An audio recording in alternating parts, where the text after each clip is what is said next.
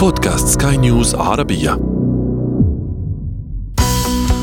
حياتنا.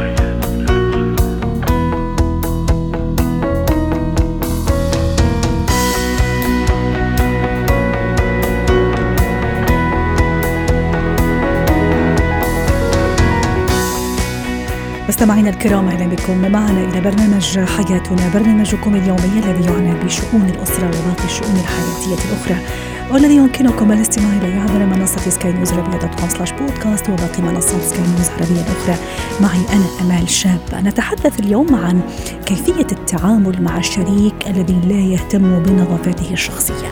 أيضا ما هي أهمية التقليد والمحاكاة بالنسبة للطفل وتنمية شخصيته؟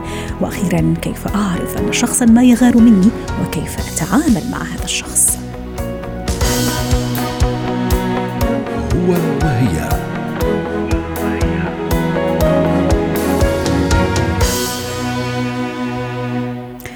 تشكو بعض السيدات وبعض الأزواج أيضا زوجات وأزواج من إهمال شركائهم لنظافتهم الشخصية سواء يتعلق الأمر برائحة الجسد مثلا أو عدم العناية بنظافة الأسنان وقص الأظافر وكل ما يتعلق الأمر بالنظافة الشخصية. كيف أتعامل مع هذا الموضوع وكيف أنقل الصورة وانزعاجي أيضا منه للحديث عن هذا الموضوع؟ ينضم إلينا عبر الهاتف من جدة الدكتور هاني الغامدي الاستشاري النفسي. سعد أوقاتك دكتور هاني. أهلا وسهلا بك سيدة آمال وبكل المستمعين والمستمعات الأكارم. أهلا وسهلا دكتور هاني اليوم جبناك حتى تعطينا الحل لهذه الفئة التي تعاني من هذه المشكلة. الزوج أو الزوجة لا يهتم أو لا تهتم بنظافتها الشخصية وحاول أني يعني ألمح لكن لا فائدة. ما الحل؟ طيب بسم الله والصلاة والسلام على رسول الله. أولا أنا أبدي شديد أسفي واعتذاري من البداية عن الكلام اللي حينقال يا أمال. لأنه شوي شوي هل هو, هو حقيقة يعني موضوع شوية أنا آسف أقول أنه بين قوسين مقزز إلى إلى حد ما. حقيقة أنا بي لكن للأسف هو موجود وقد يصل بالأزواج إلى المحاكم. دكتور هاني وأنت سيد العارفين في الموضوع. صحيح مضبوط لذلك كنت حقول أنا بيجوني حقيقة كثير من الأشخاص وليس عدد قليل. آه بيكون هو زعلان منها فيما يخص موضوع النظافة الشخصية أو هي غالبا الأكثرية زعلانة منه. آه يعني خلينا نكون واضحين سيدة أمال الرجال أكثر من النساء. لكن اللي بيتم حقيقة أمور أنا بالنسبة لي في توصيفها النفسي هي عملية استمرائية. استمرائية بمعنى أنه الإنسان يعود نفسه. يا أحبتي الإنسان سبحان الله العظيم عقله ياخذ إلى مسارات محددة حسب التعود. يعني خلينا نقول بعض الأشخاص بيقشر شفايفه بعض الأشخاص بينتف شعره آه بعض الأشخاص تعود إنه يقضم اظافره هي ترى هي في الآخر عادة هي ليست مرض يحتاج إلى معالجة إنما هي تعديل أفكار. مثلها مثل كثير من التصرفات يلي أنا مرة من المرات جيت من العمل فتكسلت. ما حبيت إني أنا أدخل أستحمى. أه تعودت على هذا الأمر مرة واثنين وثلاثة. أصبحت عادة عندي ولزمة نفسية وعقلية بإنه لما أرجع من العمل أنا ما آخذ شاور هنا معناته أنا المتسبب في هذه العادة يلي اعتنقها عقلي ورضيتها نفسي.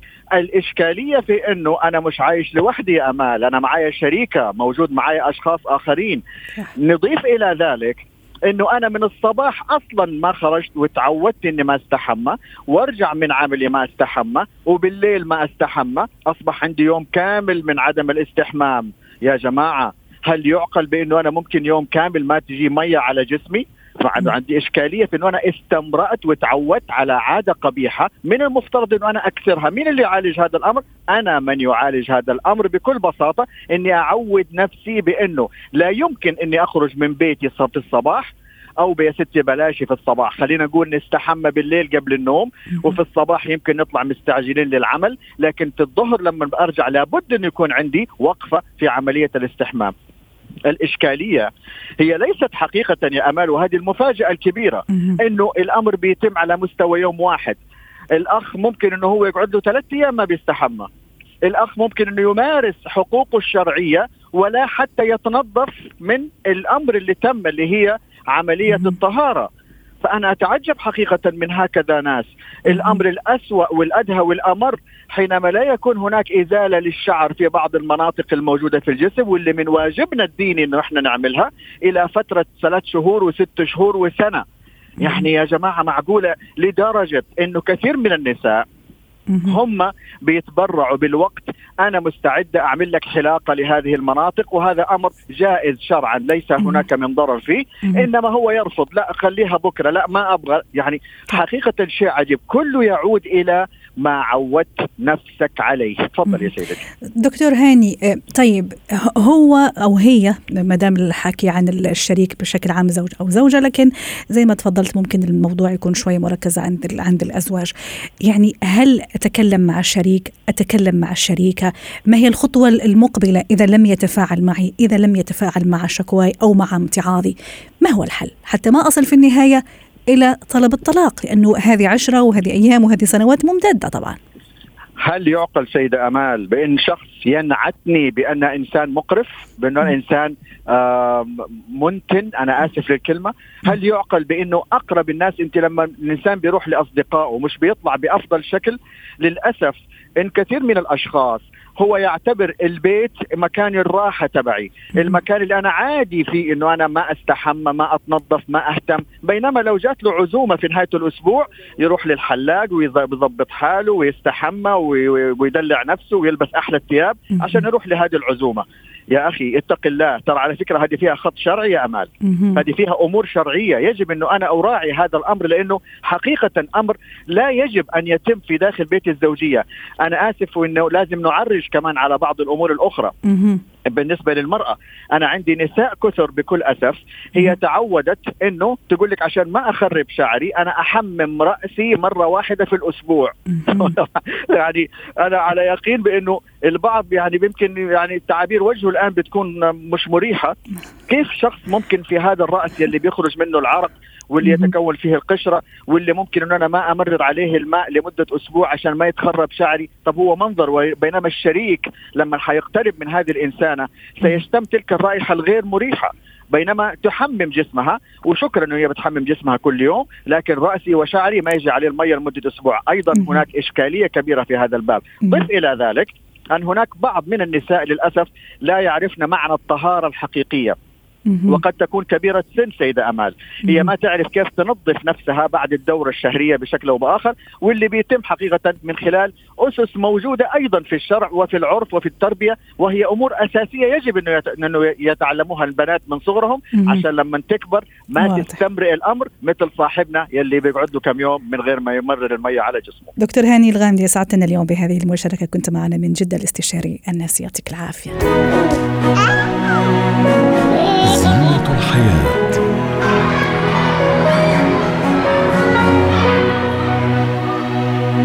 موضوعنا اليوم التقليد. طبعا الطفل يعمد في مراحل عمر معينة إلى التقليد والمحاكاة. محاكاة شخصيات تقليد شخصيات أيضا يتأثر بها. ممكن أيضا الأهل والده أو والدته. ما هي أهمية التقليد في تنمية شخصية الطفل؟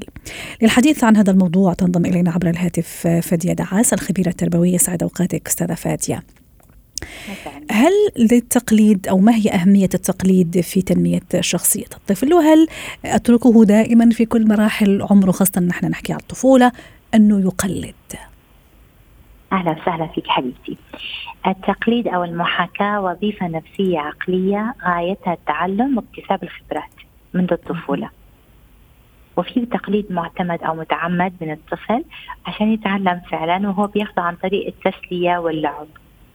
وإذا لاحظنا حتى في المدارس التعليمية العادية واحدة من مجالات التعليم الدراما والتقليد. الدراما والمحاكاة والتقليد. حتى أنت على كبر في بعض الأحيان حتى تتعلمي مهارة معينة لازم أن تقلدي يجب أن تقلدي مش فقط تستمعي إلى يعني تعليمات كيف تفعلي كذا أو كذا جميل. بتقلدي بتقلدي بتعملي mirroring وكنا قبل فترة إحنا حكينا عن قصة ال mirroring أو المرآة إنه الطفل صحيح. هو أيوه هو بيعمل reflect لأي شيء أنت بتعمله حتى وهو baby أنت ضحكتي هو بيبتسم هو بيعمل يعني هو عم بيتعلم من المحيط اللي حواليه والتقليد سمة إنسانية بحتة فعليا لكن برضه إذا لاحظنا في بعض الحيوانات عفوا بالكلمة تقلد حتى تعرف كيف مثلا تتسلق سور أو تطلع شجرة أو فهو للتعليم للمحاكاة أي, يمثل فعلا اللي بيصير مع الولد. وأيضا من أستاذة فادية التقليد يعني أنا أتصور يريد أيضا تشاركينا الرأي. يعزز أيضا مهارة الاستماع لدى الطفل يعني راح الطفل بالعادة يعني مش من السهل إني أجذب انتباهه لفترة طويلة. لكن أتصور هذا الموضوع التقليد لما يكون مركز مع شخصية معينة مثلا لا نعم. يقلدها أو يحاكي تصرفاتها. نعم. أكيد راح يعزز عنده مهارة الاستماع أليس كذلك؟ تماما. أنت عمالك بتعززي السلوك. أنت عم تحكي عن السلوك. لأنه عادة الطفل لما يشوفك وبتحكي معه ممكن الكلام واحدة من الحواس. لكن لما يشوفك عم تشتغل شيء فهو في بصره كمان عم بيتابعك. وبعضلاته عم بيتدرب ويمارس أنا معك فعليا. إنه يطبق أو يحاكي يتعلم أكثر من إنه فقط يستمع أو يشاهد. جميل. يعني عم يستخدم حواسه الباقيه ونضيف لها أيضا تعزيز الخيال أستاذة فاتية. أكيد مليون بالمية. هلأ إحنا ليش بنحكي عن عن التقليد أو المحاكاة؟ في له أكثر من مجالات. هلأ هو إذا بيحب حدا كالوالد أو شخصية مثلا من الكرتونية وات هو بيحاول يقلدها اقتداء اقتداء لإثبات هوية إنه هو ينتمي أو إنه هو يتقارب مع هذه الشخصية. وأنت في المقدمة قلتي إنه هل نسمح له دائما بأن يقلد؟ لا في مرحلة من العمر يجب أن لا يكون التقليد سخرية لأنه في بعض الأحيان ما بتكون المحبة للشخص اللي قدامه بيكون عبارة عن سخرية بس فقط ليلفت النظر بيعمل شيء. فطبعا إحنا لازم ننبهه إنه هذه طبعا آه ليست من صفات الطفل الحميدة والكفر بنفس الوقت في عن في سن معين أن لا تكون فيه إمعة. يعني لك أنت شخصيتك وهويتك. جميل. وأيضا صحيح. أستاذ فادي أنت نعم. الآن عم تشيري لموضوع الأهل أيضا. أنا نعم. حابة كمان أستفيد من هذا النقطة وأسأل السؤال نعم. الآتي هل أيضا نعم. يجب أنا كأم أو أب أتدخل ولا يكون عندي رأي ولا تكون عندي يعني نظرة في الشخص أو الشخصية اللي يحاكيها ابني أو يقلدها لأنه ممكن في النهاية ممكن عم تعمل سلوكيات نعم. سلبية أو سلوك يعني لا يناسب نعم. ابني ولا يناسب عمره ولا يناسب بيئته تماما مليون بالمية أنت لازم تكوني محافظة على الدوائر حوالين الطفل. أول دائرة هي دائرة الأسرة. أنت بدك تكوني منظفه مرآتك الشخصية. يعني أنت وعم تتصرفي بتكوني تحاسبي فعليا إنه يمكن يصدر منك كأم وأنت قريبة. لما يصدر منك تصرف أنت أصلا مش حاباه إنه الولد يتعلمه. تماما؟ فما بالك بالصديق أو الرفيق. فإحنا بنحافظ على الدوائر اللي حوالين الطفل اللي بيحاول هم يحاول إنه طبعا يقتدي فيهم أو ينتسب أو يجد له هوية كما قلنا. يعني كل بني آدم بيحب يلاقي المجتمع اللي ينتمي له. صحيح. فإذا إحنا سبنا له آه sorry بعض حتى الأدوات يعني أنت كولي أمر مثلا الأب ممكن في لحظة من اللحظات الابن يحب يقلد أبوه فالأب مثلا بيحلق خلينا نقول. هلأ الشفرة انتركت لا حبيبتي حاولي تحطيها بعيده عن متناول الطفل لأنه هو بيقلد شيء آه، بابا ما تأذى. هو بيقلد بابا. هذه بأشياء المادية فما بالك بالأشياء المعنوية؟ صحيح. وياما شفنا أيضا أطفال أستاذة فادية بعمر ممكن أربع أو خمس سنوات لكن عندهم حركات. حركة الإيد والبادي لانجوج ولغة الجسد تماما. وحتى كلام يعني أكبر منهم بسنوات ونستغرب. تماما. في النهاية تماما. تقول مثلا متأثر بجده أو بخاله وفارق سن كبير طبعا. وهذه صحيح. مشكلة في حتى نختم أستاذة فاتن صحيح. صحيح. تماما مليون بالمية. أنا بس بدي أقول لك شيء عبارة. كنا بنكتب فيها بنقول آه لا تغضبوا من تصرفاتي وسلوكاتي فأنتما مرآتي. أها جميلة جميل. ونختم بها أستاذة فادية دعاس شكرا لك الخبيرة التربويه كنت معنا عبر الهاتف. يعطيك العافية.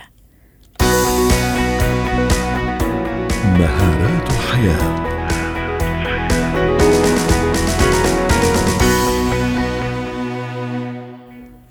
اليوم في مهارات الحياة سوف نتحدث عن الشخص الذي يغار مني. أولا كيف أعرف؟ ذلك. ثم كيف أتعامل خاصة إذا كان هذا الشخص يعني موجود معي بشكل يومي سواء يعني في الحياة اليومية؟ للحديث عن هذا الموضوع تنضم إلينا عبر الهاتف مدربة مهارات الحياة نور هشام يسعد أوقاتك أستاذة نور. في البداية نتفق أنا وياك يمكن السادة المستمعين يا ريت أيضا تشاركينا الرأي أنه الغيرة هو شعور طبيعي يعني إلى حد ما لكن قد ينقلب إلى شعور سلبي ومدمر إذا تعدى الحدود. كيف أعرف أنه شخص معين يغار مني؟ آه يسعد أوقاتك وأوقات جميع المستمعين. آه مثل ما حضرتك تفضلتي آه هو آه، شعور طبيعي قد ينتاب البعض منا في بعض الأحيان. ولكن أحيانا لما بيزيد عن حده بيتحول لحقد ولأذى الآخرين وقتها لازم يكون في نوع من التعامل مع هذا الموضوع. أولا إحنا شو بنقصد بالغيرة؟ الغيرة فعليا هي عبارة عن آه، نوع من الشعور السلبي آه، بيتضمن مشاعر القلق عدم الأمان نوع من النقص بالممتلكات خلينا نقول أو في الشخصية. فبيبدأ الشخص يقارن نفسه بالآخرين ويبدأ يدخل في منافسات مع الآخرين. عادة السبب للغيرة هم سببين رئيسيين في أغلب الأحيان. أولها هو عدم الثقة عدم ثقة الشخص بنفسه أو بمهاراته أو بقدراته أو بقدرته على النجاح فيبدأ يشك بقدراته الذاتية. والسبب الآخر هو الحاجة. في بعض الأحيان بيكون هو محتاج للاهتمام محتاج للمال محتاج للنجاح أو للتطور في أي أمر من أمور حياته فبيلجأ إلى الغيرة.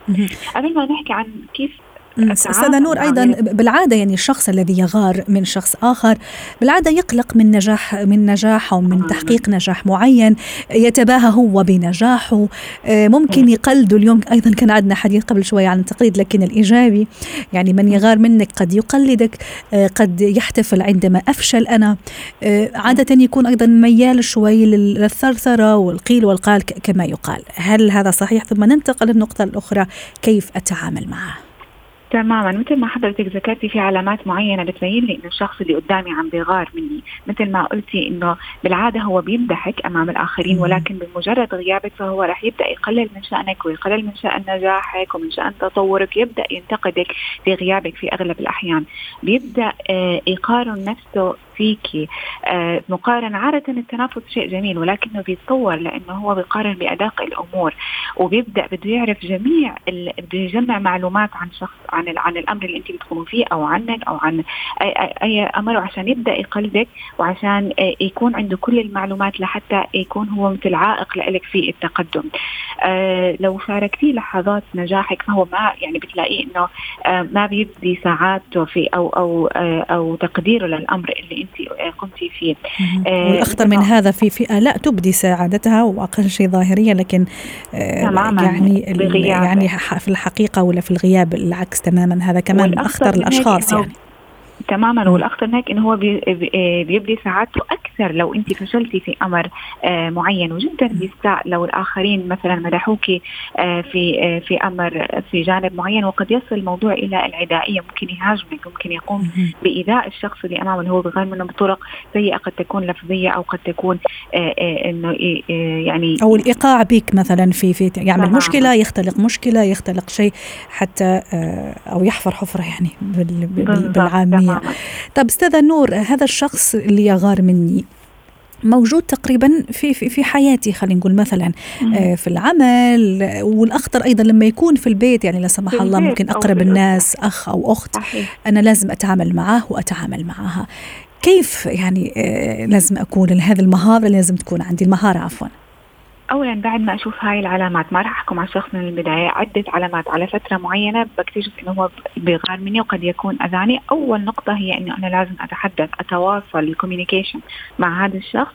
وفي تواصلي معه أنا ضروري أعرف سبب غيرته. في بعض الأحيان قد تكون الغيره إنه هو محتاج اهتمام منك خاصة إذا كان الموضوع داخل الأسرة. فمجرد اهتمامك فيه آه مثلا كأخت أو آه مثل ما قلتي أو أخ أو مثلا اب آه أو مثلا زوج أو زوجة فمجرد إبداء اهتمامك فيه راح يمحيها مشاعر مشاعر غيره فالتواصل أو ال communication هو رقم واحد. آه النقطة الثانية ما أبالغ في إظهار نجاحاتي. يعني جميل إني أشارك نجاحاتي مع الآخرين سواء في وظيفتي أو في علاقاتي أو في دراستي ولكن اولا أعرف مع مين أشاركها ولما أجي أشاركها ما يكون في مبالغة في الموضوع لأنه في بعض الأحيان يعني لابد أن نراعي كمان مشاعر الطرف الآخر. قد تكون في عنده ظروف بتمنعه في الوقت الحالي أو أزمة معينة بتمنعه إنه هو يصل إلى ما أنت وصلت له فهذا بيدفع لشعور الغيرة. ضروري إني أنا أتأكد إنه هي مجرد غيرة وليست حقد داخلي. آه يعني ما يكون يعني هي أمر عارض وممكن يزول بمجرد إنكم حكيتوا في الأمر واجدتوا آه لغة تفاهم وطريقة مناسبة للتعامل مع الأمر. ولكن إذا استمر في الإيذاء فهذا معناته في عنده حقد تجاهك فلا بد إني أنا أفرق بين هي مجرد غيرة وقتيه أو هو حقد على المدى البعيد. لابد إنه أتجاهل في حال هذا الشخص. بدا إنه آه، آه، يعني آه، يزيد في الموضوع. أنا أبدأ أتجاهله ما أخليه يستفزني. أمر آخر أخلي غيرته هي حافز لإلي. هو ما بيغار مني إلا لأنه أنا عم بعمل شيء صحيح إلا لأنه أنا ناجح. فأخليه محفز لإلي إنه أنا أكمل وليس شيء يدمرني. أتجنب هذا الشخص. يعني لو أنا كنت تواصلت معه أعطيته إشارات وما إلى ذلك هو مستمر فلا بد إني أتجنبه خاصة إذا كان أنا ممكن إني أقطع علاقتي معاه مثلا. آه، أنا غير مضطر التعامل معه لابد إني أقطع هاي العلاقة قبل ما إنه يدمرني لأنه ممكن في بعض الأحيان يعمل لي مكائد تضرني على المدى البعيد أنا في غنى عنها. فهون أنا لازم إني أنا أقطع. الأمر الثاني إنه لابد إني أوجد لنفسي دائرة تكون آه، أشخاص محبوبين أشخاص بحبوا لي الخير أوجد نفسي في هاي الدوائر بحيث إني أنا أتجنب التعامل مع الأشخاص اللي ممكن إنهم يسببوا لي أي اذى سواء أو أي أو أي حقد سواء على الوقت الحالي أو المدى البعيد. والاهم أيضا حتى نختم أستاذة نور أنه أتفادى يعني تماما أني أدخل معه في في صراع أو في مناكفة لأنه هذه أيضا قد تودينا لمكان أخطر حتى هي المواجهة والأمر الآخر إني أتجنب إنه أنا أكون الشخص اللي بيغار من الآخرين فأشتغل على نفسي وعلى مهاراتي وعلى تطوير آه ذاتي. نعم. شكرا لك نور هشام مدربة مهارات حياة. كنت معنا عبر الهاتف. حياتنا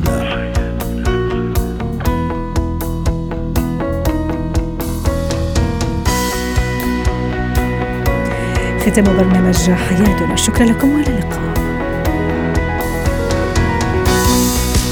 حياتنا.